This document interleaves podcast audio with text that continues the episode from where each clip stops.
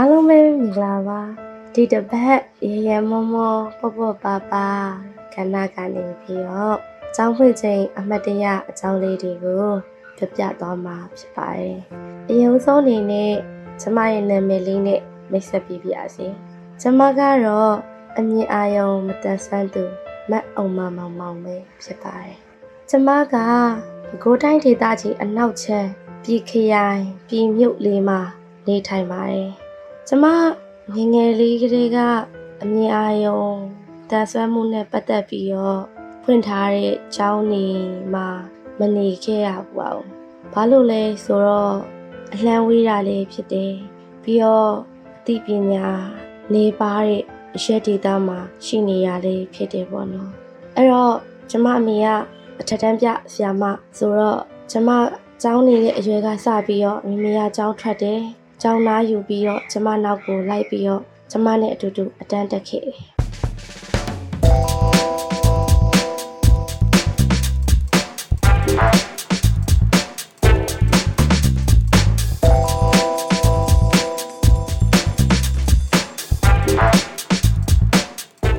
မင်္ဂလာပါရှင်မင်္ဂလာပါခင်ဗျာ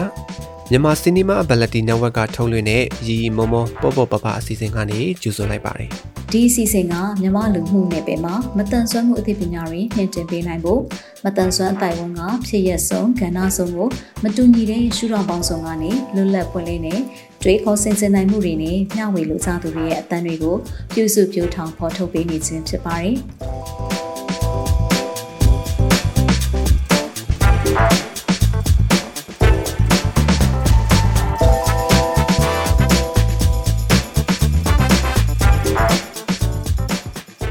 လွန်လတရက်နေ့ကျောင်းဖွင့်ချိန်ရောက်ပြီဆိုရင်မမေနဲ့တူတူကျောင်းကိုသွားတယ်။ပုံမှန်မှာပဲမမေကကျောင်းခန်းထဲမှာကျမကိုနေရာချပေးတယ်။ပြီးရင်ဟိုးအနောက်ကအလုတ်ခုံမှာမမေကထိုင်ပြီးတော့ကျောက်တင်မောဝါစာရေးဆိုရင်အမြဲတမ်းကူပေးတယ်။ကျမကကျောက်တင်မောဝါစာရေးဆိုရင်မမြင်ရဘူးလေ။ကျောက်တင်မောဝါဆရာမစာရေးချိန်ဆိုရင်ကျမမှာမိုးတုတ်ထိုင်နေရုံကလေးလို့ဘာမှမလုပ်နိုင်ပါဘူး။အဲ့တော့မမေကူပေးတဲ့စာကိုညအိမ်ပြန်ခါမှ အိမ်မှာစာပြန်ကြည့်ပါတယ်။ဆရာမတွေနှုတ်ကအော်ပေးတဲ့စာရေးဆိုရင်တော့ကျမလိုက်ရေးနိုင်ပါတယ်။ဒီလိုနဲ့ကျမတက်တစ်ဖြည်းဖြည်းကြည့်လာတော့အလေတန်းထိဒီလိုပုံမှန်လေးအေးစစ်ပါရဲ့။အထက်တန်းခိုးရဆဆတက်တက်နေပြီ။အဲ့နေ့တော့မင်းကသူ့လုပ်ကိစ္စလေးရှိလို့သူတပည့်တွေရောက်နေလို့နည်းနည်းနောက်ကျမှလိုက်ခဲ့မယ်။တငယ်ချင်းတွေနဲ့သွားနေဆိုပြီးတော့ကျောင်းဆဆတက်တဲ့ဇွန်လတရက်နေ့မှာကျမကိုတယောက်ထဲကျောင်းကိုလွှတ်လိုက်တယ်လေ။ ကျမကလည်းအာခတတိတငယ်ချင်းတွေနဲ့သွားရမယ်ဆိုအရန်ပြော့အဲ့တော့ရက်ွက်ထဲကတငယ်ချင်းတွေနဲ့စုပြီးတော့ကျောင်းကိုလာခဲ့တယ်။တငယ်ချင်းတွေကအတန်းမတူကြဘူး။အာကျမကဒီကိုပါရှေခန်းမှာသူတို့ရချားခန်းမှာပေါ့။ကျမခန်းရှိသူတို့ကလိုက်ပို့ပေးပြီးတော့သူတို့ကသူတို့ခန်းထဲကိုဝင်သွားကြတယ်။ကျမလည်းကျမခန်းထဲကိုဝင်တာပေါ့ရှင်။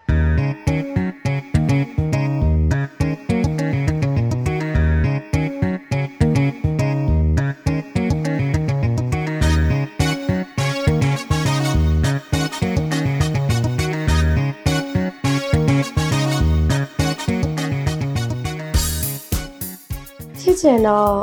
ကျွန်မအရှိဆုံးတက်မှာပဲအမြဲတမ်းထိုင်ရတာများတော့ခက်တီတီနဲ့မိန်းကလေး road ကိုသွားပြီးတော့အရှိဆုံးတက်မှာကျွန်မဝင်ထိုင်လိုက်တယ်။ဒါပေမဲ့ကျွန်မထိုင်တော့လူက9ယောက်ဖြစ်သွား။တန်းတန်းတန်းမှာ4ယောက်ပဲထိုင်လို့ရအားလေ။ဆိုတော့ဒီမှာထိုင်လို့မရဘူးတဲ့။4ယောက်ဖြစ်နေရဲ့တဲ့။ဒီနေ့ဆိုရင်9ယောက်ဖြစ်သွားမယ်တဲ့။အနောက်ကိုသွားပါတဲ့။အဲ့တော့ very လေးကောက်ဆဲပြီးတော့ဒုတိယတန်းကိုထပ်သွားတယ်။ဒုတိယတန်းမှာတော့3ယောက်ပဲရှိတယ်။အဲကျွန်မထိုင်မှတော့4ယောက်ဖြစ်မှာပေါ့။ဒါပေမဲ့ ဘေးနာကဟိုဘက်ထောင်းဆုံးမှာထိုင်တဲ့တယောက်ကကျမကိုမထိုင်စေခြင်းသူနဲ့ကကျမတို့ကမူလာတန်းနေရအတူတူနေခဲ့ရတာဘာကြောင့်မှန်းတော့မသိဘူးပေါ့ကျမနဲ့သူကအတူတူမထိုင်ခြင်းတခြားဒီဘက်ခလဲမှာထိုင်တဲ့နှစ်ယောက်ကကြတော့တခြားအလကကြောင်ကနေပြီးတော့ကျမတို့ထိုင်တန်းကြောင်ပြောင်းလာခဲ့တာပေါ့သူတို့ကတော့ထိုင်မားတဲ့ရတယ်ဒါပေမဲ့ဟိုဘက်ကတယောက်ကမထိုင်စေခြင်းနဲ့ကြည်နေကျမကို အနက်ကိုသွားပါလားဘေးကိုသွားပါလားညာကိုသွားပါလားနဲ့ညိုနေရပေါ့ခက်တီတီနဲ့ကျမလည်းဆက်ထိုင်နေလိုက်တယ်ဒါပေမဲ့စိတ်ထဲမှာတော့ဝမ်းနေရပါရှင်အလိုနဲ့ကြောင်းတက်တဲ့အချိန်ကြီးထိနိုင်ငံတော်သချင်းတွေပါလေဆိုပြီးရဲ့နောက်ကျမအနေရအတိအကျမရသေးဘူးအားနဲ့ရက်ွက်ထဲမှာတူတူနေတဲ့တငယ်ချင်းတယောက်ကိုသွားပြီးတော့ခေါ်လိုက်တယ်သူနဲ့ကလည်းဖြစ်ချင်တော့အတန်းအတူတူကြရလေအဲ့တော့တကယ်ချင်းရဲ့ငါ့ကိုကူညီပါအောင်ငါ့ကို तू ကအဲ့လိုအဲ့လိုပဲမထားချင်ဘူးပေါ့ဟဲ့ ဟာဖေးသွားပြီးတော့ဘာလို့မှမသိရောဟဲ့မထားလို့ရမလား तू ကအရင်ဆိုမထားလို့ရမလားဟဲ့ဒါကတူတူထိုင်ရမယ့်အတက်ဟာလာအောင်မှငါလိုက်ပြောမယ်ဆိုပြီးတော့ तू ကကျမလိုက်ကိုဆွဲပြီးတော့ဒီမှာ तू လဲចောင်းသူပဲရှေ့ထဲမှာလူပြင်းလို့ဒီတန်းမှာထိုင်တာနင်တို့တက်မှာ3ယောက်ပဲရှိတယ်သူဒီမှာထိုင်လိုက်မယ်ဂျိန်းနဲ့ရင်ဆီယမကိုတားပြောဆိုပြီးတော့သူကပြောဆိုဆိုတဲ့ကျမလက်ကိုဆဲပြီးတော့ဒီမှာထိုင်အောင်မှာဆိုပြီးတော့နေရာချပြီးထွက်သွားတယ် အာအဲ့နေ့ကတော့ကျောင်းအတားတွေနဲ့ဆိုတော့အလုပ်တွေရှုံနေတော့အဲ့တန်းမှာပဲထိုင်နေခဲ့နောက်ရက်တွေကျတော့ကျမသူတို့တန်းနဲ့တူတူတို့တိတ်လိုက်လှည့်ရမယ်ထင်ပြီးတော့လိုက်လှည့်ရပေါ့ဒါပေမဲ့ကျမကပြောလဲဆိုတော့ပုံသေးအနေနဲ့ဒုတိယတန်းမှာထိုင်ရမယ်ရဲ့ခြားလူတွေကတော့ rotate လိုက်ရမယ်ဆိုပြီးတော့အမကိုဒုတိယတန်းမှာပဲပုံမနေရာချထားပေးခဲ့ပါတယ်အဲ့လိုနဲ့ကြောက်တက်ချိန်နေနဲ့အစမှာဒီလိုမျိုးလေးကြုံတွေ့ခဲ့ရတာ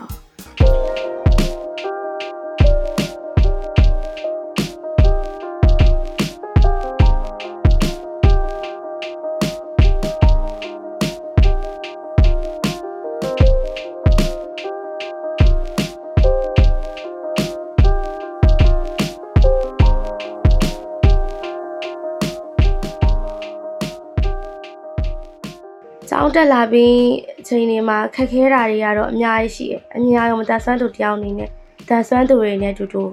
ကျောင်းတက်ရတာ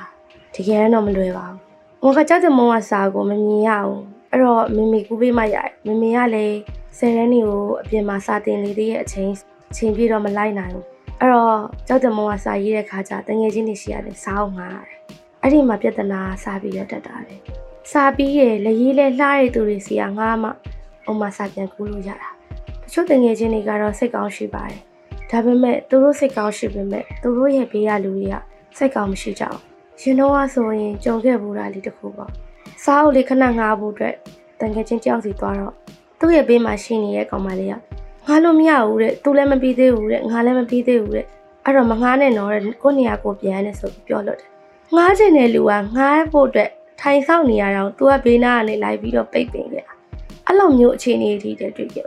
ချိုးကြတော့စာပြီးရဲ့သားနဲ့လည်းမပြီးသေးဘူးဆိုပြီးတော့မငားချင်ကြဘာလို့သူတို့ကြီးမကူညီချင်ကြအလဲဆိုတော့လည်းတွေးလို့မရကျောက်တင်မုံမှာရေးထားတဲ့စာကိုသူတို့စာအုပ်ထဲမှာကူးထားတာဒါလေးကိုပြန်ကူးလိုက်တာသူတို့ရှိကအပိုအလိုပြန်ပြီးတော့အများကြီးကူချရလည်းမဟုတ်ပဲနဲ့ဒီလိုလေးကူညီလိုက်ရတော့သူတို့လည်းဘာမှဖြစ်မသွားဘူးကိုလည်းစာပြီးသွားတာကိုသူတို့ကဘာလို့မကူချင်ကြရလဲဆို အခုချိန်ထိကိုတော့အမတွေးလို့မရအောင်အမရဲ့အခက်ခဲမှာတော့ကျောင်းတက်လာတဲ့တောက်လျှောက်လုံးကတော့စာအုပ်ငါးရပြဿနာပါပဲပြီးတော့ assembly စီလို့ရှိရင်တွဲမဲ့လူမရှိရပါချိုးရကြတော့သူတငယ်ချင်းတွေတို့တွဲတွဲတွဲရင်တွဲရင်နဲ့နောက်ဆုံးအမြဲတမ်းအမတယောက်ထေချင်ချင်းအဲ့တော့ဘာလုပ်လဲဆိုတော့သူတို့တွဲရအနောက်ကနေတယောက်ထေပေးသွားတယ်ရှိရလူကိုကြည့်ပြီးတော့အမတန်းစီပြီးတော့လိုက်သွားခဲ့တိန်တော့တိန်ငယ်ရပေါ့စိတ်ထဲမှာခက်ခဲတွေကတော့အလိုနဲ့ပဲ အထက်တန်းချောင်းပြီးဆောင်အောင်ဖြေဆိုလာခဲ့ပါတယ်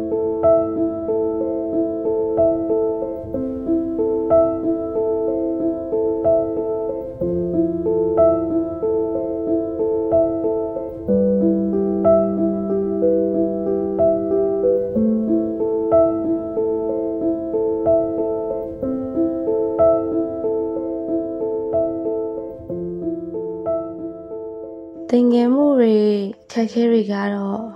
ဒီလိုတွေဂျုံတွေ့ခဲ့ရတယ်ပေါ့ဆီယမတွေနဲ့ကျမခြားထဲမှာလည်းခက်ခဲတွေအများကြီးဂျုံတွေ့ခဲ့ရသေးပါတယ်ဒါလေးတွေကနားလည်မှုလွယ်တဲ့အခြေအနေတစ်ခုလို့ပြောမယ်ဆိုရင်လည်းပြောလို့ရတယ်ထင်ပါတယ်ဘာလဲဆိုတော့ကျမစက်တဲ့နေ့ကအမတ်တရားလေးတစ်ခုကိုထပ်ပြီးတော့ပြောပြချင်ပါတယ် ကျမအရှိဆုံးမှာ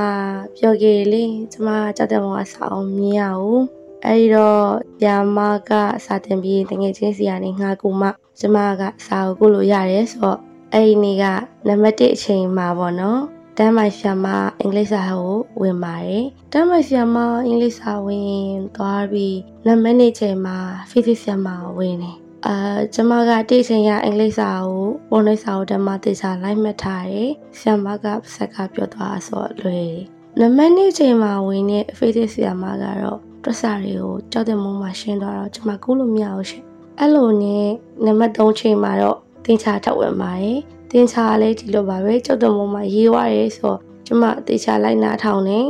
လိုက်ပြီးတော့အုံနောင်နဲ့မှတ်လိုက်သမျှကျမမှတ်တယ်အာ ဒီလိုအာယုံစိုက်ပြီးတော့နားထောင်နေလဲရတယ်ပေါ့နော်တစ်ချိန်လုံးတော့အော်ကျမကစာကူးချိန်ချိန်မရသေးဘူးရှင်ဖြစ်ချင်တော့နံပါတ်၄အချိန်က eco ဆီယာမမလာဘူးတဲ့ဆိုတော့ကျမပျော်ရပေါ့ပျော်ပြီးတော့အရှိကနံပါတ်2မှာတင်ခဲ့တဲ့ faces တွေရောနံပါတ်3မှာတင်ခဲ့တဲ့တင်ချာကိုကျမပြန်ကူးမယ်ဆိုပြီးလုပ်နေတဲ့အချိန်မှာနံပါတ်2အချိန်က faces ဆီယာမဝင်လာပါတယ်ဝင်လာပြီးတော့ရှေ့သုံးတက်မှာထိုင်နေ ကျမရဲ့စာအုပ်ကိုဘာမှပြောညာပြောနဲ့ကောက်ယူသွားပါတယ်။ယူသွားပြီးတော့အားလုံးကိုစာအုပ်ထုတ်ခိုင်းပါတယ်။ပြီးတော့ကျမစာအုပ်ကိုကြည့်ပြီးတော့ဆက်ပြီးတော့စာအုပ်တင်တော့အောက်ကကျောင်းသားတွေကထားអော်ပါတယ်။အဲ့ဒါမင်းကစာရင်းအဲ့ဒါတွေကပြီးနေပြီ။မနက်ကတင်တာဒီနားထိရောက်နေပါပြီဆိုပြီးတော့ကျောင်းသားတွေကထားပြောတော့အုံမောင်နင်ကဘာလို့နင့်စာအုပ်ထဲမှာစာမရှိရလဲလို့မေးတော့မဟုတ်ဘူးဆရာမဒီဟာကနံပါတ်2ကဟာကိုကျွန်မမကူရသေးဘူး ဒါပေမဲ့ကိုဖို့ပါအခုကိုမလို့ပါတတ်တဲ့မုံမှာအေးရဆိုတော့ကျွန်မတေချာမသိဘူးစာတငယ်ချင်းစီကစာအောင်ငါပြီးမှကူရမှာပါဆရာမလို့ပြောတော့ဆရာမကအဲ့ဟာကိုလက်မခံမင်းနဲ့နင်းဒီလိုပုံစံဆိုရင်ကြမှာပဲနင်းတို့ကစာကိုမလုပ်ဘူးအဖြစ်တင်ညာဖြစ်တယ်နဲ့ပွားစီပွားစီပြောပြီးစာအုပ်ကြီးကိုစပွဲပေါ်ကိုဘုံကနေလာချတော့တယ်ကျမလေးရဟန်းကိုစိတ်တူသွားတယ်ဘာလို့နားမလဲရလဲ မမြင်တဲ့လူတယောက်ကချက်ချင်းပေးရဲ့စာကိုဘလို့ကိုးနိုင်မှာလဲဆိုတော့အရင်ကလည်းဒေါသထွက်သွားတယ်မတက်ကောက်ရပြီဒီတစ်နှစ်ထဲနဲ့အောင်စေရမယ်ဆရာမကြည့်နေလို့ဆရာမကိုပြောခဲ့တယ်အဲ့လိုပြောပြီးတော့ကျမအဲ့ချိန်စပွဲပေါ်အမှောက်ပြီးတော့အိတ်နေခဲ့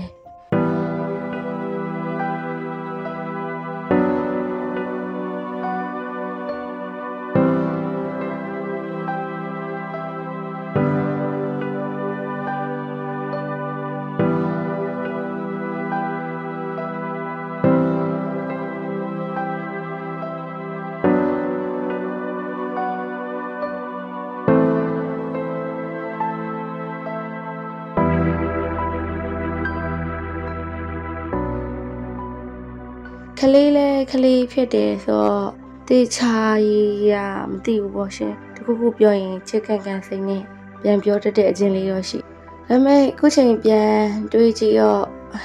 အဲ့တုန်းကချစ်ကန်ကန်လုပ်ခဲ့မိရတယ်ကိုလည်းမလုပ်သင့်ဘူးဆိုတာကိုတွေးခဲ့မိရဲ့ဒါပေမဲ့ဆ iam မတွေအနေနဲ့လဲကျမတို့အများရောမတတ်ဆွမ်းသူတွေကိုနားလေစေခြင်းနဲ့ဆိုတော့စိတ်ကလေးလေးဖြစ်ပေါ်လာတယ်ကျမတို့မျိုးကပြောရမယ်ဆိုရင် မတန်ဆွမ်းမှုနဲ့ပတ်သက်ရင်အင်မတန်ကိုသိပညာအားနည်းခဲ့ပါတယ်။အဲ့လိုအားနည်းခဲ့လို့လေကျမရတဲ့ရထိုက်တဲ့အခွင့်အရေးအများကြီးဆုံးရှုံးခဲ့ပါတယ်။ခွင့်ရေးဆုံးရှုံးနေလို့သာပြောတာပါ။ကျမမှလည်းမတန်ဆွမ်းမှုနဲ့ပတ်သက်တဲ့ရတဲ့ရထိုက်တဲ့အခွင့်အရေးဆိုအဲ့လေကျမမသိခဲ့ပါဘူး။အဲ့တော့ကျမတန်ဆွမ်းသူတယောက်ရတဲ့ရထိုက်တဲ့အခွင့်အရေးလေကျမအများစွာဆုံးရှုံးခဲ့ပါတယ်။ဒီတော့ပညာသင်နေတဲ့မတန်ဆွမ်းနေတန်းတူညီများခွင့်နေ အများကြီးဆုံးရှုံးခဲ့ရတဲ့ကျမတို့မျိုးလေးအခုချိန်မှာအသိပညာတွေအများကြီးရစေခြင်းတဲ့အတွက်ကျမတန်ဆွမ်းဖွဲ့စည်းလေးတွေမှာဝင်ရောက်ပြီးတော့မတန်ဆွမ်းရေးကိုတစ်ဖက်တစ်လမ်းကနေလောက်ကင်ရင်းနဲ့ကျမတို့မျိုးလေးကိုတက်နိုင်သမျှအသိပညာတွေတော့ဝေမျှနေပါတယ်ဒီအကြောင်းအရာလေးနဲ့ပတ်သက်ပြီးတော့ကျမပြောချင်တာကတော့ကျမတို့အမြင်အာရုံမတန်ဆွမ်းသူတွေမကောက် အခြားဘယ်မျိုးစားဘလို့မတန်ဆွမ်းသူတွေပဲဖြစ်နေပါစေပညာသင်ကျောင်းနေတဲ့အရွယ်မှာရတဲ့ရထိုက်တဲ့အခွင့်အရေးတွေအားလုံးကိုရစေချင်ပါတယ်တန်းတူညီများခွင့်နေလဲမဆုံးရှုံးစေချင်ပါအောင်ပြီးတော့ကျမတို့ကို ခွဲခြားမှုတွေလည်းမရှိစေချင်ပါဘူးပြောခဲ့တဲ့အကြောင်းအရာလေးနဲ့ပတ်သက်ပြီးတော့ကျမဆိုလိုချင်တာလေးရတော့တန်ဆွမ်းသူတန်ဆွမ်းသူအားလုံးကလူသားတွေက လူသားတွေပါပဲခွဲခြားမှုတွေကိုမပြုလုပ်စေချင်ပါဘူးရှင်ဒီเจ้าရလေးကိုကျွန်မကပြောချင်တာပါရှင်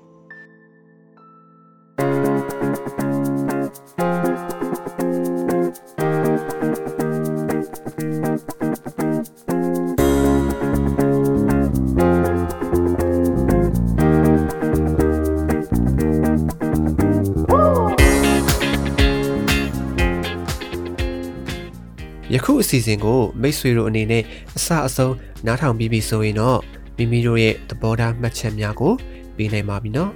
ဒီအစီအစဉ်နဲ့ပတ်သက်ပြီးမိတ်ဆွေတို့ရဲ့မှတ်ချက်ပေးခြင်းအကြံဉာဏ်ပေးခြင်းမေးမြန်းခြင်းတို့ကိုလည်းအထူးပဲဖိတ်ခေါ်ပါရစေမိမိတို့ရဲ့ပူပေါင်းတင်ဆက်မှုအတွက်ဒါမှမဟုတ်စုံစမ်းမေးမြန်းမှုအတွက်စိတ်ဝင်စားတဲ့ဆိုရင်တော့မြန်မာ cinemaability@gmail.com ဒါမှမဟုတ်တင်ဆက်သူများရဲ့ Viber နံပါတ်များဖြစ်တဲ့ကိုပြည့် 39 26 125 6493နဲ့မနွေ39 453939 6935တို့ကိုဆက်သွယ်ဆောင်ရွက်နိုင်ပါတယ်။မိတ်ဆွေတို့အနေနဲ့ဒီစီစဉ်ကိုမတိသေးသူများတည်ဖို့လိုအပ်နေသူများမတန်ဆွမ်းရေးကိုမိမိတို့ရဲ့လုပ်ငန်းခွင်အသီးသီးမှာထည့်သွင်းဆောင်ရွက်ဖို့စိတ်ဝင်စားသူညီသူကိုမဆိုထပ်ဆင့်ဝေမျှပေးရင်သတင်းကောင်းပေးနိုင်ပါတယ်။မြန်မာပြည်သူပြည်သားများအားလုံးမတန်ဆွမ်းမှုအသိပညာတွေတိုးပွားက ခွဲခြားဆက်ဆံမှုကင်းပြီးအားလုံးအကျုံးဝင်တဲ့လူမှုအတိုင်းအဝန်တစ်ခုကိုအမြန်ဆုံးဖော်ဆောင်နိုင်ပါစေလို့ဆန္ဒပြုရင်းဒီကနေ့အစီအစဉ်ကိုဒီမှာရင်ရန်နာပါရစေ။တောတာရှင်အားလုံးနေ့ရက်အသက်တိုင်းမှာကောင်းစည်းမင်္ဂလာပေါင်းများစွာရယူပိုင်ဆိုင်နိုင်ပါစေလို့လည်းကျွန်မကဆုတောင်းမြတ်တာပို့တာအပ်ပါတယ်။နောက်ပတ်စနေနေ့ည9:00နာရီမှာပြန်ဆောင်ကြရအောင်နော်။